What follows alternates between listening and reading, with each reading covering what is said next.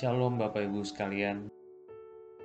Empat bacaan Alkitab hari ini membawa satu tema sentral, yaitu pemeliharaan Allah. Kejadian 27 menceritakan bagaimana Yakub menipu Esau. Di dalam kejadian 25, Allah sudah berfirman kepada Ribka bahwa Yakub atau anak kedua akan dilayani oleh anak pertama kita tidak tahu apakah karena hal ini maka Ribka lebih berpihak ke Yakub, tetapi yang jelas Ribka tidak setia pada Ishak. Ribka dan Yakub berbohong. Apa pun namanya, mereka berbuat dosa. Kita mungkin berpikir kalau begitu kenapa Yakub nggak lahir duluan? Masalah kelar. Tapi bukan seperti itu rencana Allah. Allah bisa memakai segala sesuatu dan mengubahkannya untuk kebaikan. Bukan berarti Allah setuju dengan kebohongan dan penipuan. Tidak. Sama sekali tidak. Di dalam bacaan kedua, Matius 26, ada sebuah ayat penting di ayat 24. Anak manusia memang akan pergi sesuai dengan yang ada tertulis tentang dia, akan tetapi celakalah orang yang olehnya anak manusia itu diserahkan. Adalah lebih baik bagi orang itu sekiranya ia tidak dilahirkan. Yudas mengkhianati Yesus. Yudas jahat. Otoritas agama yang ada pada saat itu juga korup. Mereka menghadirkan saksi-saksi untuk menuduh Yesus, saksi palsu.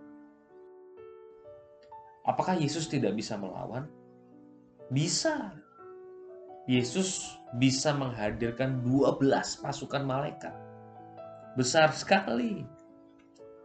Namun Yesus tidak melakukannya. Dia memilih untuk diam menjadi kurban tebusan bagi banyak orang.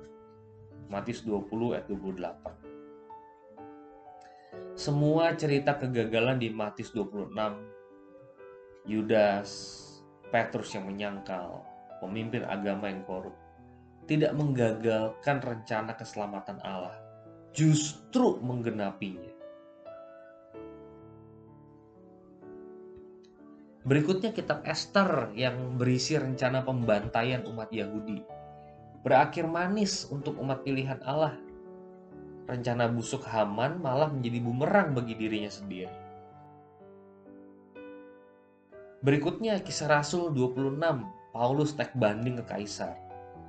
Kalau ia tidak naik banding, Paulus bisa dibebaskan. Nggak perlu repot-repot ketemu Kaisar Herodes Agrippa, Gubernur Felix.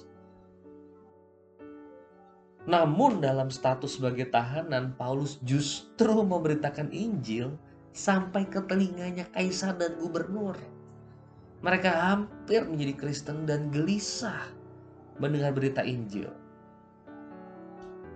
Injil justru tersebar dalam sistem yang korup ini. Saudara-saudara, providensia Allah adalah hal yang misterius.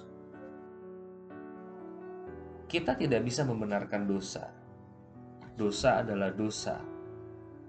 Tetapi Allah berdaulat di balik layar. Allah tetap Allah yang mengontrol kehidupan meskipun kondisi pada saat ini sedemikian buruknya. Dia menghadirkan kemuliaan dan kesejahteraan buat manusia, bahkan dalam kondisi tergelap sekalipun. Kita selalu punya alasan untuk berharap, meskipun di depan tampak kabut yang pekat.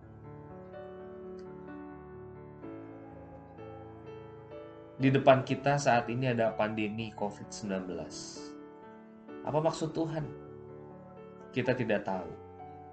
Allah bukan penyebab virus corona. Dia terlalu baik.